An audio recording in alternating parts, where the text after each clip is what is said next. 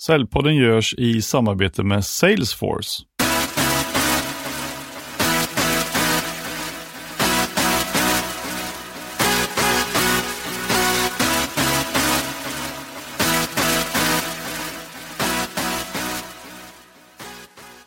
Idag sänder vi Säljpodden från The Park Södra och jag har med mig en person som har tagit sin passion, skapat ett företag och etablerat en helt ny nisch i svensk möteskultur, nämligen mötesritaren Frida Panossis.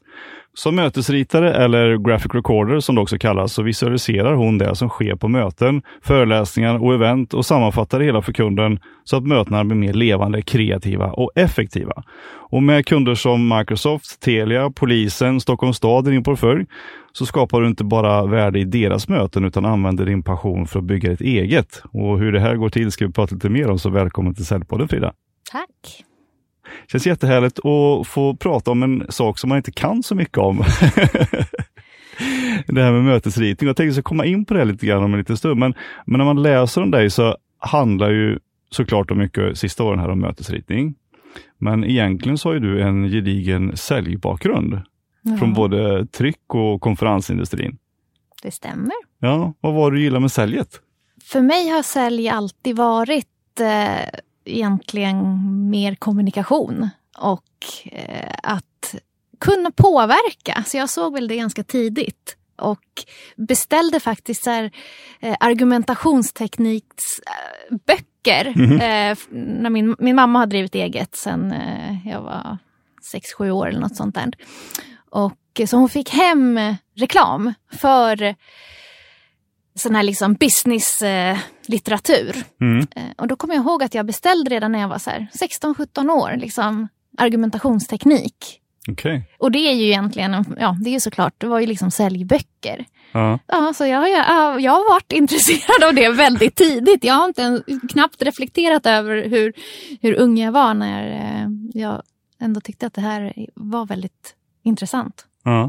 För, för jag förstår, det gick ganska bra för dig under de här säljjobben.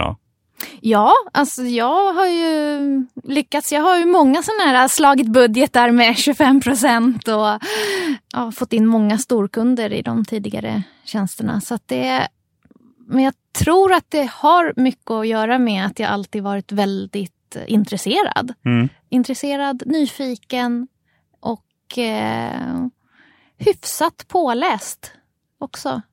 Just det. Ja.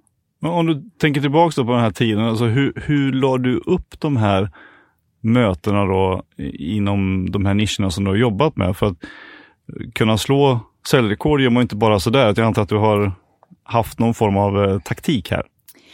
Ja, nej men jag har väl i efterhand har jag kunnat se att jag har gjort ganska mycket så här by the book. Fast inte kanske alltid vetat att jag gjorde det. Mm. Men Nej, men till exempel, alltså det är mycket det här sunt förnuft eh, som jag tyvärr tycker att många säljare kanske inte alltid eh, går efter. Mm. Alltså att höra av sig. Det är så här, ett sunt förnuft. Men att bara, det är så här uppföljning. Det är, ja. Många säljare missar på att följa upp. Mm. Och också har något, något vettigt att komma med. så att säga. Att man, man ringer inte om man inte heller kanske har någon nyhet eller har något som är eh, intressant. Och också inte alltid bara för att sälja så att säga utan att det mer är så här att ja, men jag vill bara informera om att men när jag jobbar med, med trycksaker till exempel. Så här, ja, men, eh, vi har nu en eh, ny eh, A3-tryckpress som kan göra det här och det här. Bara så att du vet. Mm. Det behöver inte vara så mycket mer än det heller. Sen kommer det att veckan efter så bara, jo men du förresten, vi ska trycka lite A3-grejer här nu. Uh, hur var det, kunde ni fixa det? Och jag behöver, ja, ja absolut. Alltså, att ha den här lite informationsdelen som sen blir sälj för att de behöver ju faktiskt veta Precis. vad det är man håller på med. Ja. Eh, så. så. att de ska hålla det liksom top of mind hela tiden? Ja, precis. Mm. Och sen också att jag faktiskt alltid har jobbat extremt mycket med strukturer. Mm. Eh, nu kan jag se i mitt eget företagande att jag inte kanske är lika bra på strukturen som jag var tidigare. Mm. Men jag har ju faktiskt blivit eh, lite så här, ja men till och med fått att jag liksom var strukturfanatiker. För att jag ville liksom ha, så här, nej men att, eh, ha koll på nyckeltalen. Så här, hur många har jag kontaktat den här veckan? Hur många besök har jag haft? Hur många offerter har jag på gång? Hur många, alltså allt sånt där har jag alltid haft stenkoll på. Och det gör ju att man lätt ser resultatet i slutändan. Mm. Och faktiskt också titta på sin pipeline. Alltså det är sån här, alltså själva säljtratten. Hur många prospects som man hela tiden fyller på för att sen eh, tratta ner det. Det. Och också titta på vilka är mina bästa kunder och hålla stenkoll på dem. Vilka är, vilka, vilka är mina fem, sex viktigaste kunder? Och inte blanda ihop det med de kunder som kanske hör av sig mest. För det behöver inte vara de som är de mest lönsamma. För Nej, ibland är det ju... tid. Ja, nej men att det, för det kan jag se tillbaka på att det finns ju många gånger att det är de här, alltså så här kunder som skriker väldigt mycket om man säger. Det kan ju vara att de bara just tar mycket tid. Och sen om man räknar ut, ja men hur, hur lönsamma är de? Ja, det behöver de ju inte alltid vara. Det kan ju vara en kund som köper för en miljon om året men man hörs bara två gånger och så bara tack tack. Ja, Och så blir de lite bortglömda. precis. Så, så, Så, är ja. tipset liksom till säljare egentligen att vara lite mer strukturerad för att få saker och ting både uppmätta och gjorda?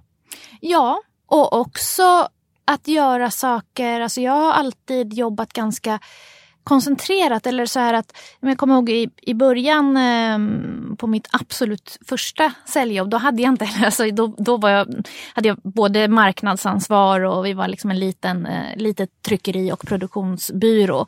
Och då fick jag lägga upp hela liksom, strategin själv. Jag hade i och för sig då gått Sälj och marknadshögskolan så jag hade ju med mig eh, vissa liksom riktiga eh, strukturer och Mm. också då använder dem med att dela upp kunderna i A, B, C-kunder. Så här, vilka skulle jag ha fokus på? Och, så. och sen gjorde jag små, små marknadsinsatser. Då jag skickade ut, gjorde personliga utskick. Det var till reklambyråer. Och då så paketerade jag, för jag, och jag ville ju ut på möte då för att tala om vad vi kunde hjälpa till med som eh, produktion och digitalt tryckeri.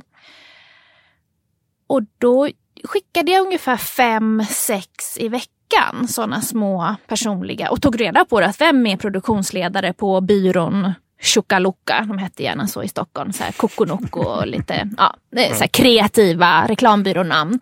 Ja. Eh, Och de var, ju, de, de var ju tidiga med att stressa. De var ju bland pionjärerna med att ha mycket att göra inom reklambranschen. Eh, Så de hade ju absolut inte tid. Men då hade jag, jag tror första kampanjen var, för i år det var det väl på våren, att eh, om, om jag fick komma på ett möte så tog jag med en bukett tulpaner. Och så hade vi gjort, eftersom vi var ett tryckeri så kunde jag ändå trycka då våra egna inbjudningar, var en av fördelarna. Men då var det en bild på mig med en tulpanbukett så här och så slog jag in det också. Ja, jag pysslade lite kan man säga. Så jag slog in det i eh, blompapper, de här utskicken, eftersom det skulle ju sticka ut. För det Ja. var ju till reklambyråer. Och så handskrev jag etiketterna. Och sen ringde jag och följde upp på det här. Men eftersom det, jag behövde ju bara ha en... eh, Ja, men jag hade väl ungefär kanske då fem, sex möten i veckan. Jag hade inte jätte, jättemånga möten men ja, det var ändå så här kvalitetsmöten. Ja. Och så hade jag med mig tulpanbuketten. Det, blev liksom, det var det som var marknadsaktiviteten. Och ja, det föll ut väldigt, väldigt väl. De tyckte ju det här var väldigt roligt och eh, sen blev de kunder väldigt, extremt många. Jag förstår. Men, men är det liksom så att du upplever att det inte är så många andra som vågar sticka ut? Man vill Nej, bara vara som en slät, eh, alltså man vill vara som alla andra bara mest eller? Ja, och att eh, man kanske inte orkar anstränga Alltså det kräver ju lite så här Ja. att göra de där. Och också ta reda på eh, faktiskt vem är det som jag ska ha möte med. Alltså Ja. att veta att ja, men det är Anna Sundholm på Kokoloko reklambyrå. Liksom att det, det blir ofta så här, men, ja, jag ska bara ut i Kokoloko här nu och så, här, och, fuff, och så tittar man. Alltså att man är liksom inte riktigt kanske så engagerad många gånger. Nej. Att man knappt vet vem det är man ska träffa. Nej. Man upplever att, man, att du lärde dig det här på Sälj och marknadshögskolan eller fick du liksom pyssla ihop det själv eh, när du kom ut här på de här jobben? Här? Eh, men det var väl mer alltså det här sunda förnuftet. Att om man om man satt där själv, jag satt väl mig in i kunden att säga okay, de får massa utskick av olika tryckerier. Det är inte så att och de ska välja. Det finns, då fanns det ju väldigt många tryckerier fortfarande. Mm. Nu ser väl det, det, den branschen är liksom, jag, jag lämnade den innan eh, eh det blev allt för tufft. Mm. Ja, det gällde att sticka ut liksom. Att det, för det var inte problem med vem man skulle, alltså valmöjligheterna fanns ju där. Eh, men att den man ska välja har ju mycket med sig, ja, men, som kanske känner att men det här var också att vi var kreativa och de var kreativa. Ja men då blir det en bra mm. match. Liksom. Just det. Men upplever du, liksom, om du tänker tillbaka på den här tiden, som eh, att gå i skolan och läsa om försäljning. Då. Mm. Blir det så i verkliga livet så som man läser om i skolan tycker du? Nej, det blir ofta mycket mer High Chaparral i verkligheten. Mm. Alltså att man har... Eh, för att eh, då, när jag gick sälj och marknadshögskolan, nu vet jag inte om det riktigt är så längre, men då ägdes den ju av Mercury International, mm. stora delar. Och det man lärde sig var ju Mercury-modeller och deras liksom väldigt eh, DABA är väl en av Just deras sådana här, alltså det finns ju sådana liksom eh, delbeslut, accept. Mm. Slut, accept, ja, nu, mm. hur det är. Men att det, det är liksom att man går, man har någon slags system. Och det finns ju en ett liksom att så här motstånd inom att försäljning, liksom, nej men det är bara köra, det är bara ja, att man inte riktigt vill kanske vara så strukturerad och utan att det mer är liksom lite det här chinixen. Mm. Alltså skjuta från höften. Mm. Men att när man verkligen tittar på att vilka är det som skapar, alltså de här, mm, vet jag inte, siffrorna, man, man pratar ju ofta om att det alltid finns liksom de här toppsäljarna, men vad gör de? Det är någon slags magi. Mm. Ja, men ja, magin kanske är också aktiviteten och strukturen tillsammans med tydlig kommunikation och framförallt eh, ärlighet. Mm. I alla fall, nu, jag har ju bara jobbat inom liksom business to business. Då det handlat, och också många gånger om väldigt stora affärer. Då det handlar inte om att eh, ett, ja, sälja ett telefonabonnemang eller mm. sådana saker. Så att det, och där blandas det ju lite hejvilt också tycker jag. Att det är som att det är, samma sak. Precis. Fastän det är helt olika grejer. Ja. Och man kan inte applicera samma typer av säljtekniker eller approchera kunder kanske på samma sätt om man jobbar business to business eller om det är business to consumer. Ja. Eller om det är stora affärer, eller om det är små produkter, eller om det är tjänster, eller om det är eh, långa säljcykler, korta säljcykler. Är ju, allt är ju lite olika hela tiden då, hur man ska approchera det. Ja, absolut. Men sen också det som jag ser som väl jag var då väldigt tidig ute med, det är att alltid vara nu var ju i början min egen marknadsavdelning i princip. Men det här att man pratar om att så här, sälj och marknad ska jobba ihop. Mm. Och det kan jag ju se vara en väldig fördel. Och också ja, har jag alltid jobbat i sådana ja, situationer eller sett till också.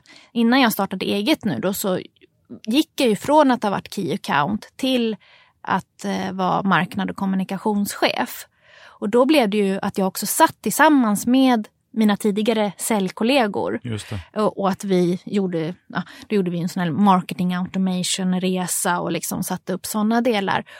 Och det är ju fortfarande väldigt ovanligt. Det hörde jag bara på en konferens förra veckan om hur liksom det här marknadsavdelningen, och liknade det vid en eh, liksom magic marketing, en slags eh, trollkonstnär, oftast kanske en liksom, kvinnlig magiker där. Så här. Och sen så har man säljaren som är ute och inte alls, man dansar två olika danser och inte dansar tillsammans så att säga. Mm.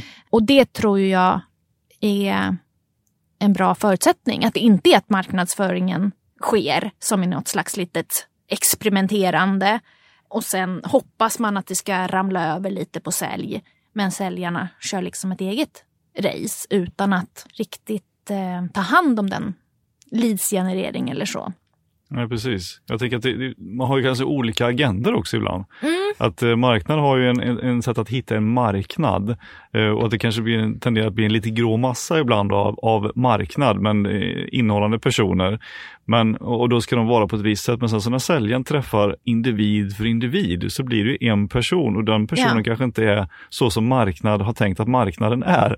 Nej men precis. Och också att man inte lyssnar kanske på många ställen.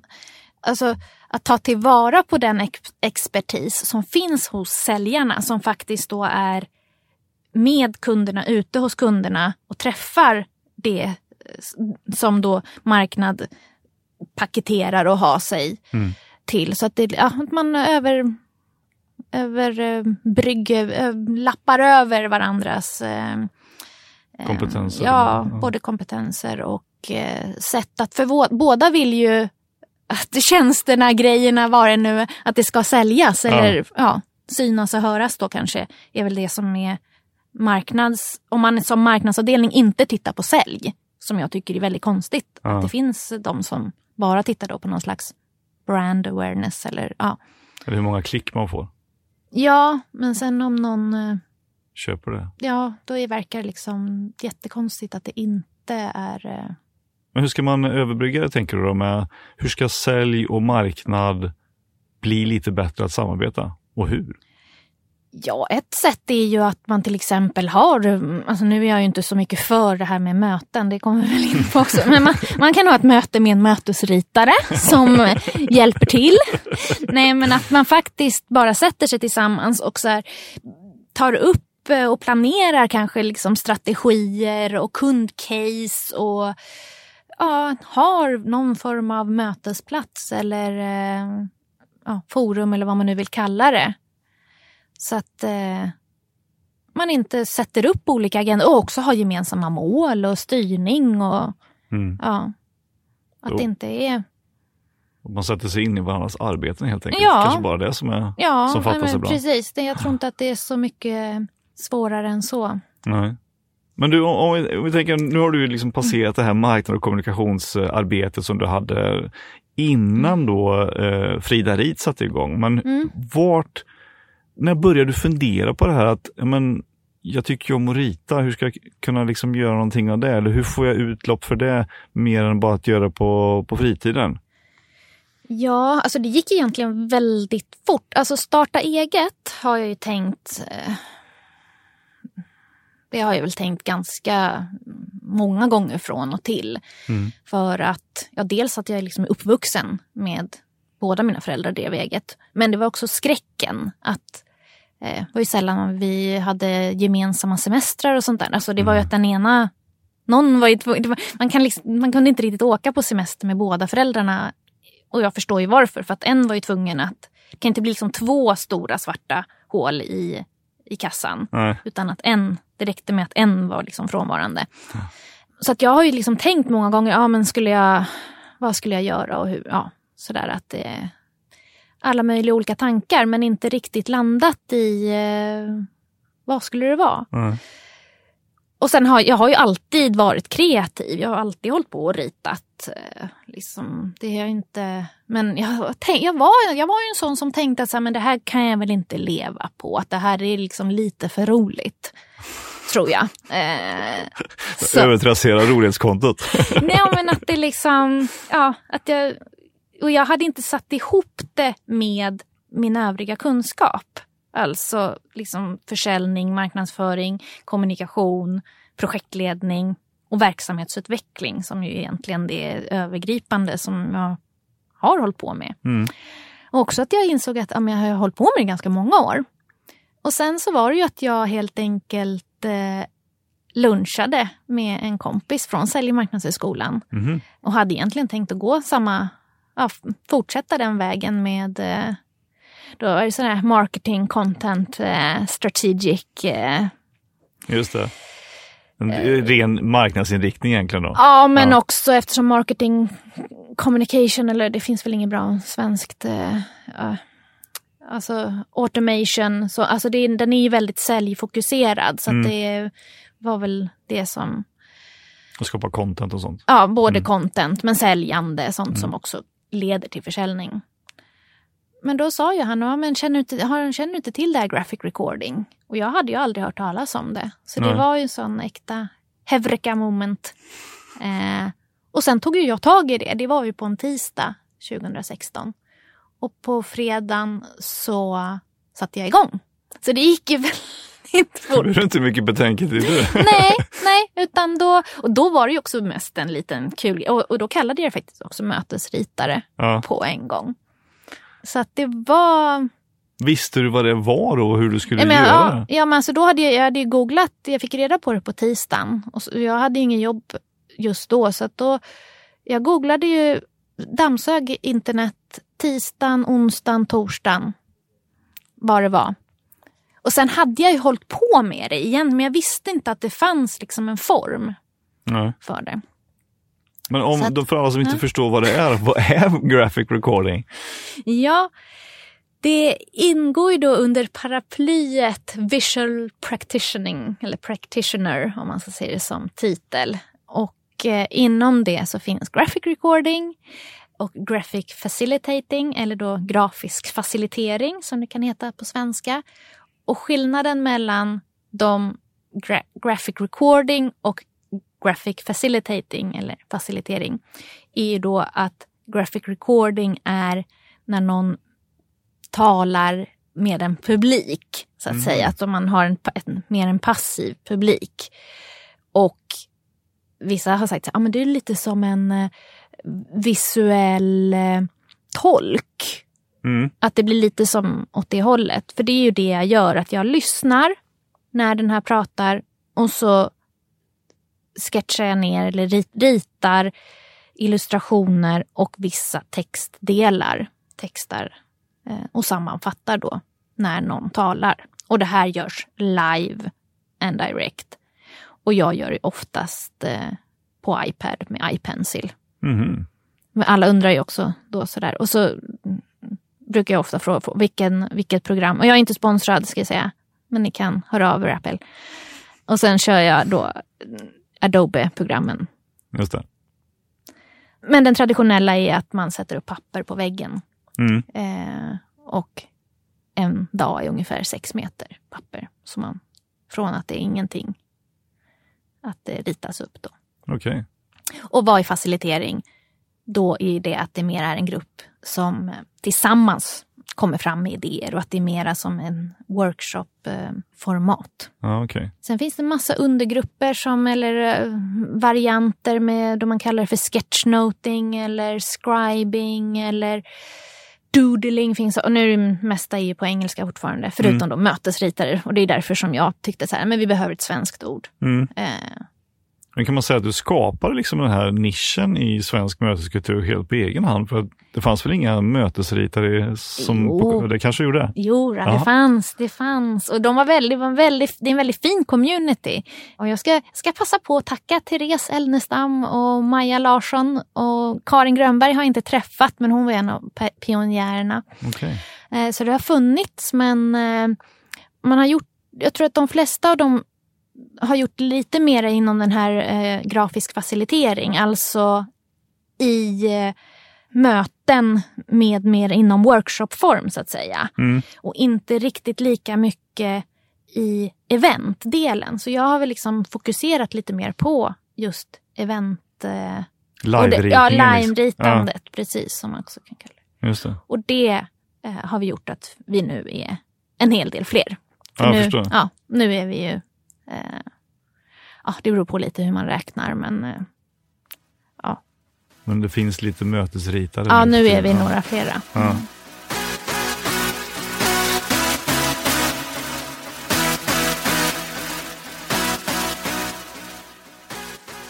Säljpodden görs i samarbete med Salesforce och här står jag med David Rådberg som är Regional Sales Director på Salesforce. Och ni kommer ju ha ert stora Norden-event Basecamp Stockholm här den 9 april, men vad händer där egentligen?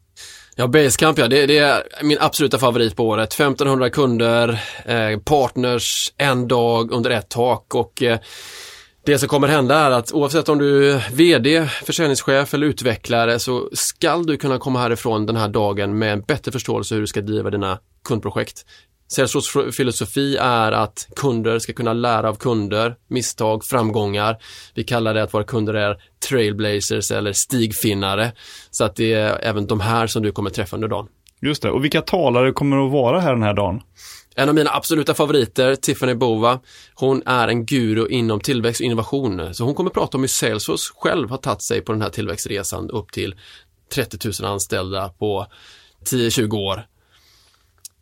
Sen så vill jag eh, slå ett slag för våra kunder, SBAB, CIO på Ericsson, Izettle och många fler som står på scen och berättar om hur de har tagit nytta av Salesforce. Och vilka tycker du ska komma dit då? Brinner du för tillväxt, brinner du för nöjdare kunder, då spelar det ingen roll om du är vd eller utvecklare, då ska du vara på plats. Och varför tycker du då att man ska boka in sig på den här eventet Basecamp Stockholm här 9 april? Nummer ett är för att träffa vårt community av andra kunder. Och för att se ett event i eh, världsklass. Förra året så var det lapp på luckan fyra veckor innan eventet så att jag rekommenderar att du kikar på det här idag. Och anmäler sig till det här eventet gör man alltså på salesforce.com. Man klickar sig vidare till evenemang och anmäler sig idag. Yes. Men om man eh, liksom inte fattar riktigt hur, hur det här går till då, liksom, vad är det som tillförs egentligen under en föreläsning eller ett event eh, av en mötesritare som man inte, om man inte hade haft någon, vad hade man fått sakna då? Det händer ju ofta, eller den feedback jag får tillbaka det är ju sådär att, oh men gud, just ja.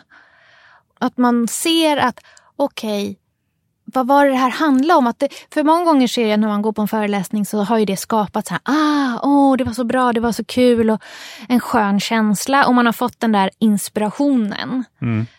Men sen är det ofta ganska svårt att komma ihåg, ja men vad handlade det om då? ja. Och det har, de flesta har väldigt svårt att återberätta. Ja.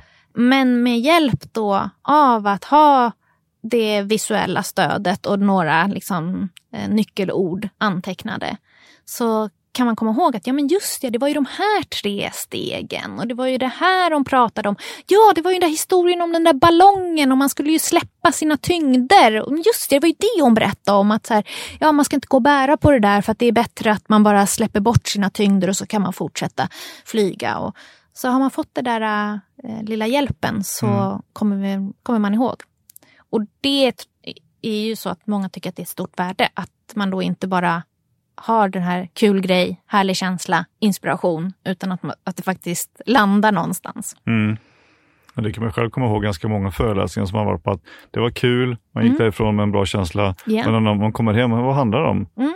Ja, det var väl typ att man skulle vara glad och. Var liksom, man kommer inte ihåg riktigt. Nej, Nej. Precis. Jag vet inte, det kanske är meningen. Mm. Det ska vara en, ja, eh, det är fin, ja, det, det kanske är så. Jag tänker att det är både, det har ju, liksom mötesritning eller graphic design har ändå kommit från USA från början gissar jag. Mm. Och det Nikes grundare hade mötesritare med på sina möten och Steve Jobs hade det på sina möten ibland. Mm. Och Varför tycker du att man ska ha en mötesritare även på sina event, om man, även fast man inte heter Nike eller Apple? Då? Ja, men det är ju egentligen, jag skulle säga att det är tre saker. Det är att skapa ett engagemang. Mm. Ehm, det har man eh, väldigt engagerande talare så är det såklart, då är det ju att man har engagemanget i det. Men om man också får se det live, för ibland så är det ju att det är på en skärm vid sidan av. Mm. Och då, då blir det ju den här att man vill gärna följa med. Och att då skapar man också den här närvaron. Och just i dagens samhälle när allting går så fort och närvaro är utrotningshotat. Mm. Så blir det att om man ser att det ritas fram, då blir det ju att, oh men gud, det här vill jag ju faktiskt se. Vad ska det här bli? Och då så kan det vara så att man också kommer ihåg och minns helt enkelt. Och framförallt att alla har sett samma bild. Mm. Som jag brukar tjata om då, sådär, att skapa samsyn. och vad är samsynen värd? Att okej, okay, vi var här men eh, bara för att alla har hört en sak, har sett kanske vissa delar så betyder det inte att de här bilderna, jag gör ju det bildjobbet åt så att alla kanske ser då eh, samma typer av sammanfattning.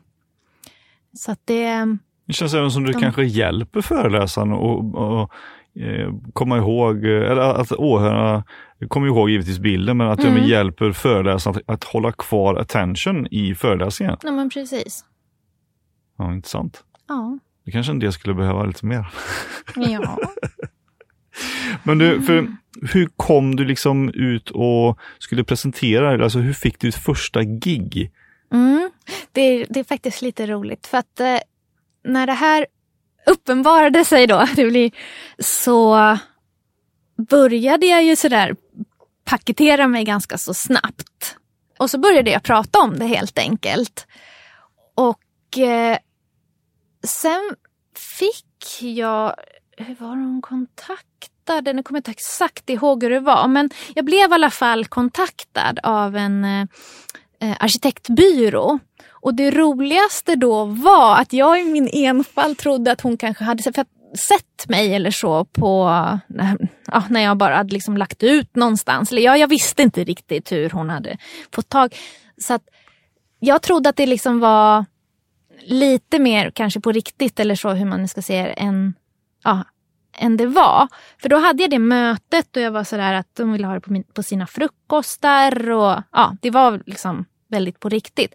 Men sen när det mötet var slut, då ser jag att det är en tjej jag känner på den här arkitektbyrån och bara, nej men gud, är du här? Och då visade det sig att hon är då bästa kompis med min svägerskas, eh, alltså det är mammas kompis till min eh, kusin, barns kusin, svägerskas. Ja, men alltså det jag var vet, liksom... jag mötte Lasse ja, där. Ja. men det var liksom... Mm. Ja. Så att det var ju mun till mun hon hade fått reda på det. Att hon hade vid en middag berättat så här, gud min svägerska eh, håller på med det här med mötesritare och graphic recording och det är jätteroligt. Och sen hade hon gått och berättat det då för den här som sen kontaktade mig. Så att det var ju liksom inte via sociala medier eller något sånt där som jag trodde. Nej. Och, det, och då dök det upp ett event då? ja, då var det frukost. Ja, då Ja, ritade jag på, det var co-design, deras här, äh, inspirationsfrukostar. Mm. Just det. Och det var premiären? Det var premiären. Mm.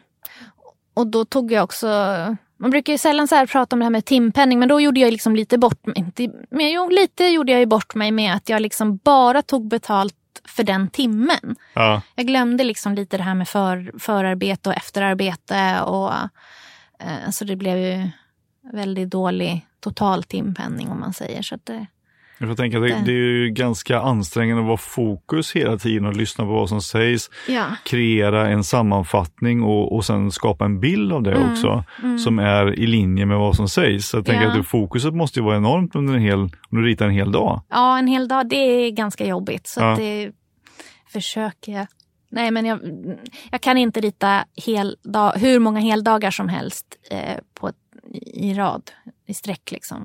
För det har jag gjort några gånger och då det blir liksom, nej, blir helt mosig. Mm. Men hur gjorde du sen då för, från det här första giget till att få eh, större kunder eller fler kunder att intressera sig för graphic recording och framförallt att Frida Panosis? Mm. Nej, men jag, var, jag la ju ganska mycket, var ambitiös liksom kring min hemsida och jag liksom lekte företag ganska ordentligt med mig själv i början. Ja. Med så här strategier och jag kartlade och jag gjorde listor och jag, liksom, jag gjorde en ordentlig affärsplan. Eh, jag hade ordentliga liksom, nyckeltal för den här verksamheten. Och, ja, så jag, jag gjorde ordentligt eh, affärsplanering helt enkelt. Jaha. Ehm, och sen så var jag ute och nätverkade jättemycket. Ja. Och sen också då tala om vad det var jag höll på med och jag gjorde eh, Gjorde jag filmer och så då gjorde jag nog inte så mycket. Filmer kom sen, men då var det mer stilla stillbilder eller liksom illustrationer eh, om eh, vad det var jag höll på med. Var det många som Så- ville ha liksom, ja men det låter som en kul grej, kan du komma hit och göra lite så här pro bono-grejer? Ehm, lite, men faktiskt så valde jag mer ut. Alltså jag bestämde mig för att pro bono ska vara på mina villkor.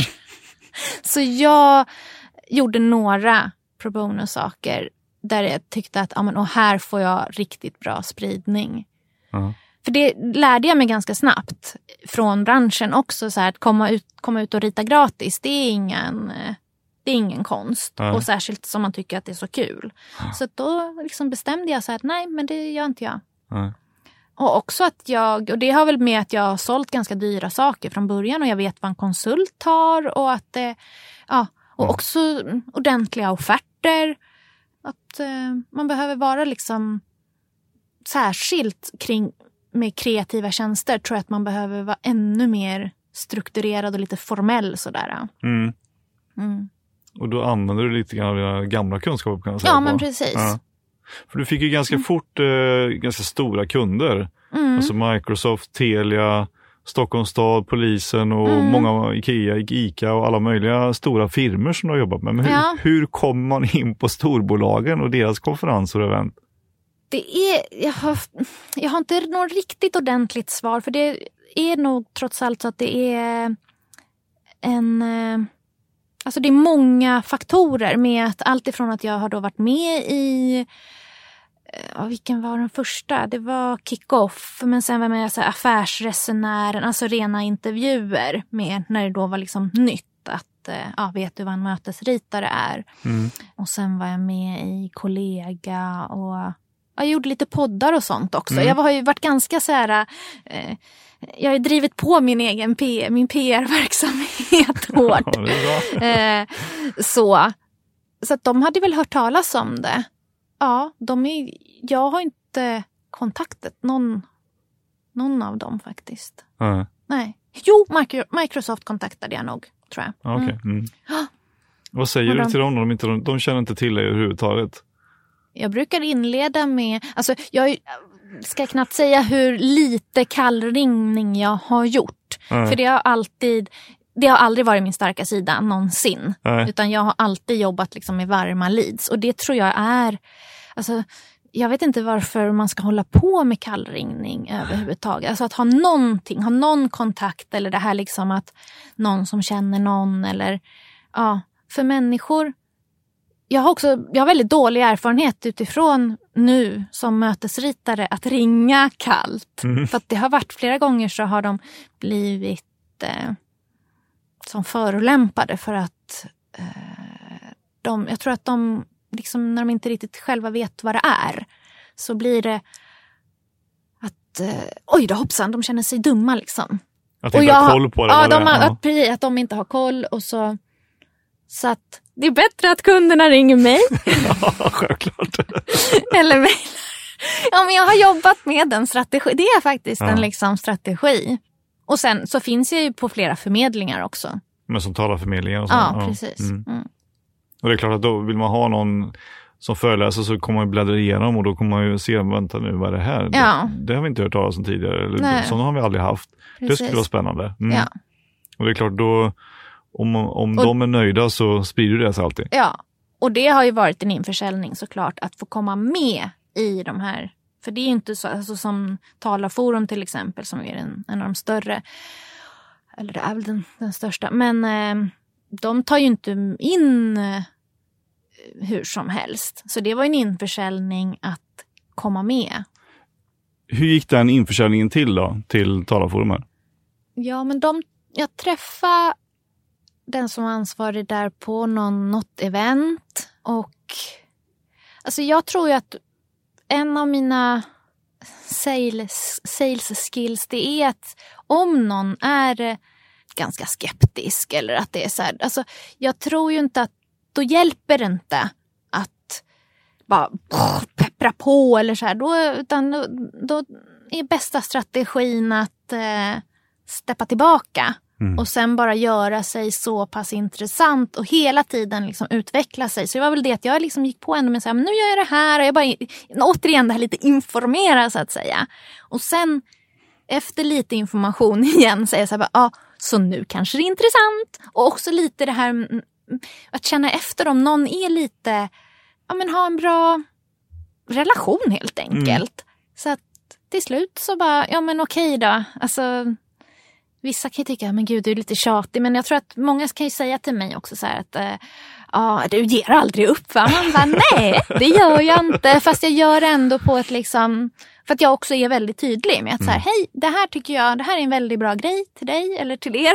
Och att det, så, eh, Ja. Men att man ändå behöver göra det med någon slags både humor och distans. Och det, det tror jag man tjänar på som säljare. Och det gäller även i butiker eller vad som helst. Det här att liksom ge space. Att vill någon titta runt Ja. så vill man inte att någon ska gå omkring och flåsa en i nacken. Det är återigen sunt förnuft. Men att det liksom blir det här att man vill inte bli, ingen vill bli jagad. Nej. Och det, alltså det, och det kan man ju ta till eh, relationer eller dating eller vad som helst egentligen. Absolut. För att det handlar om att så här, okej, är det här? Ja, att, och sen, men sen måste man ju samtidigt visa att ja, men, nej, men nu, det här vill jag faktiskt. Precis. För annars så kommer det inte bli någon sista dansen eller vad som helst. Alltså, Nej. eller av, alltså, eh, någon affär eller ja, det är samma mekanismer. Mm. Det är därför killar alltid ringer efter tre dagar. Nej, skojar. ja, men precis. Ja, då, jag vet inte det där. Ja, och så blir det förvirrat. Ja. Ja, jag vet inte. Nu var det länge sedan jag var inne i den branschen, men Eh, men du, om vi tänker på mötesritning då. Du, nu har du hållit på med det över tre år och liksom professionellt eh, och haft företaget.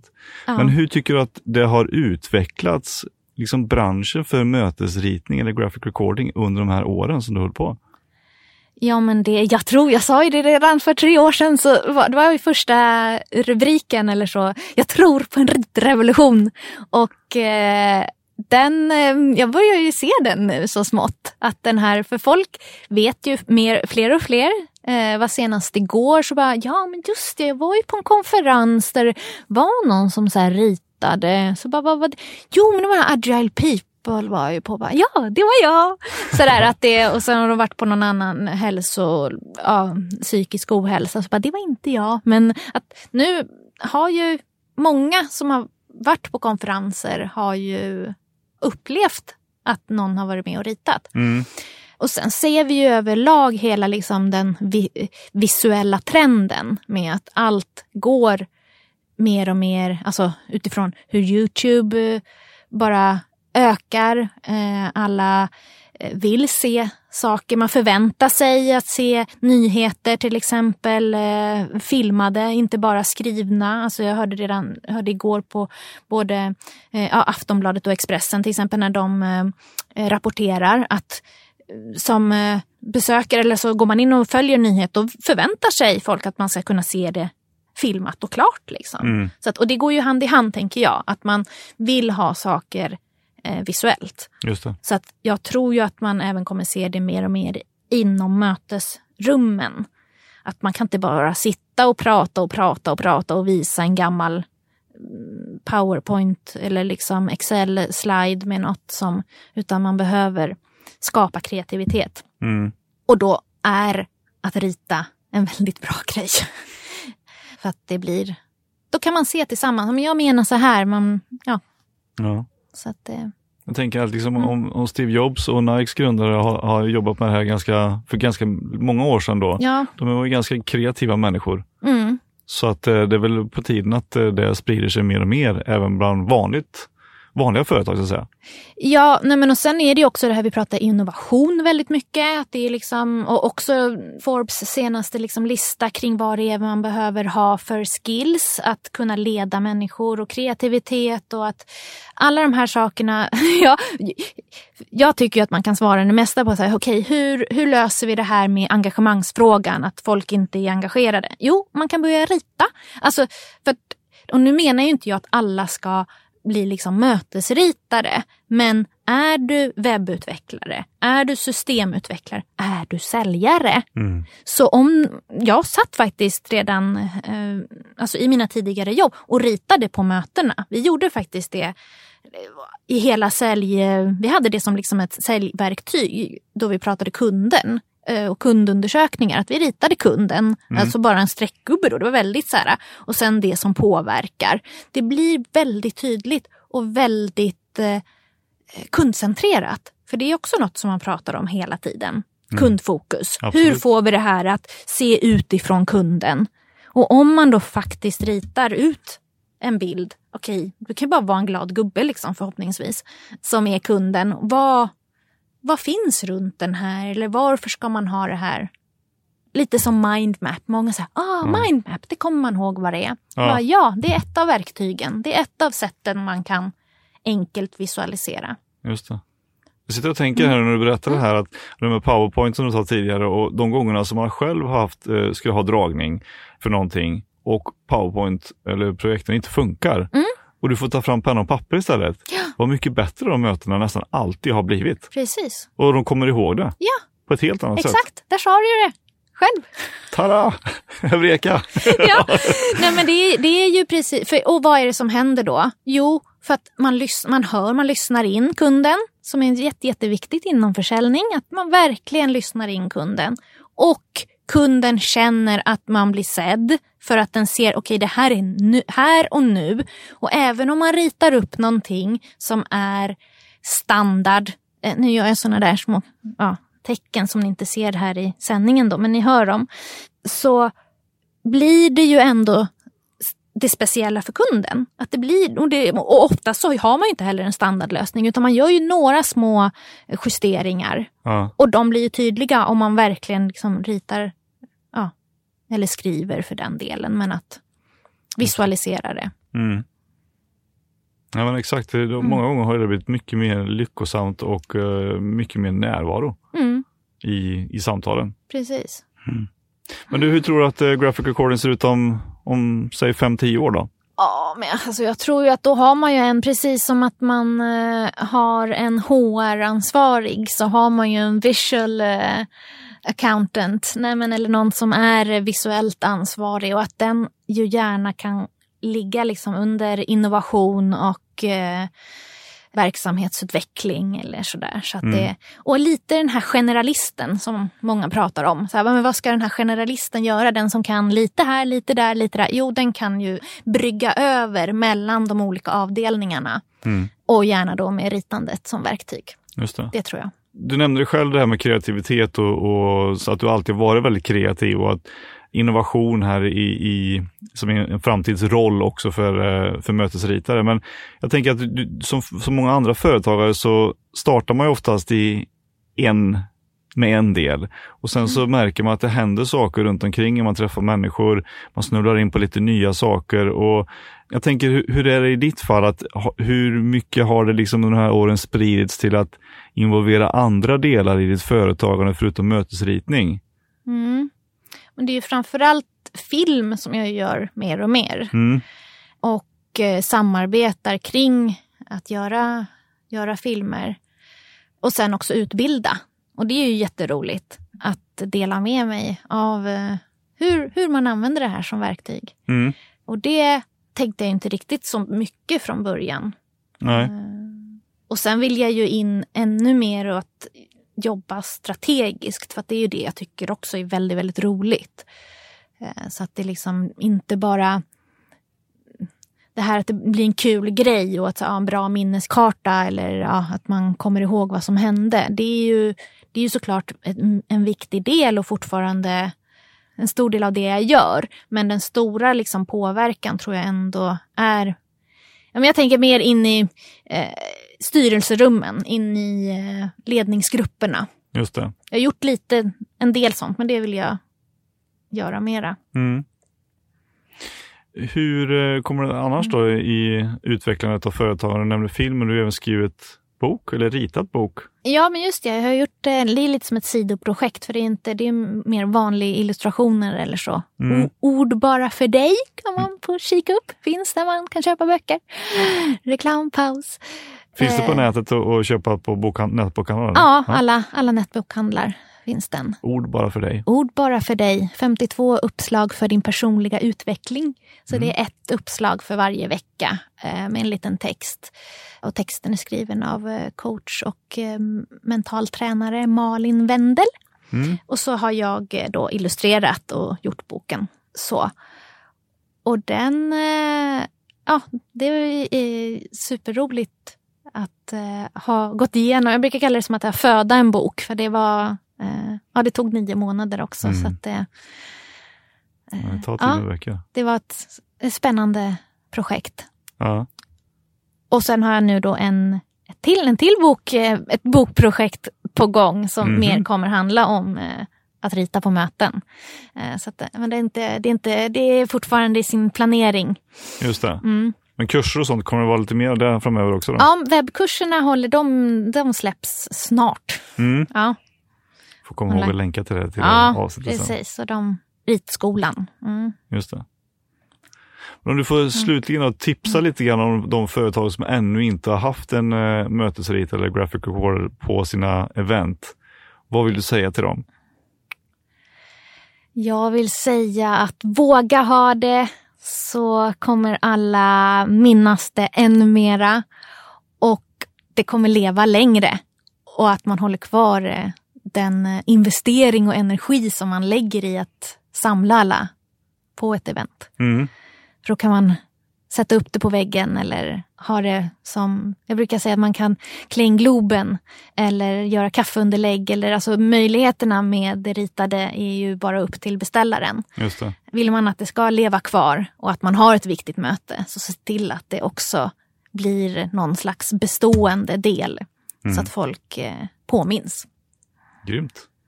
Vad härligt! Ja. Vad roligt att få lära sig lite mer om det här. Ja, Stort tack för att du ville vara med och tog dig tid att vara med i Cellpodden och berätta de här sakerna och eh, fortsatt lycka till nu med kommande event och eh, nya boken och kurserna. Tack, tack! Superkul att vara med. Tack!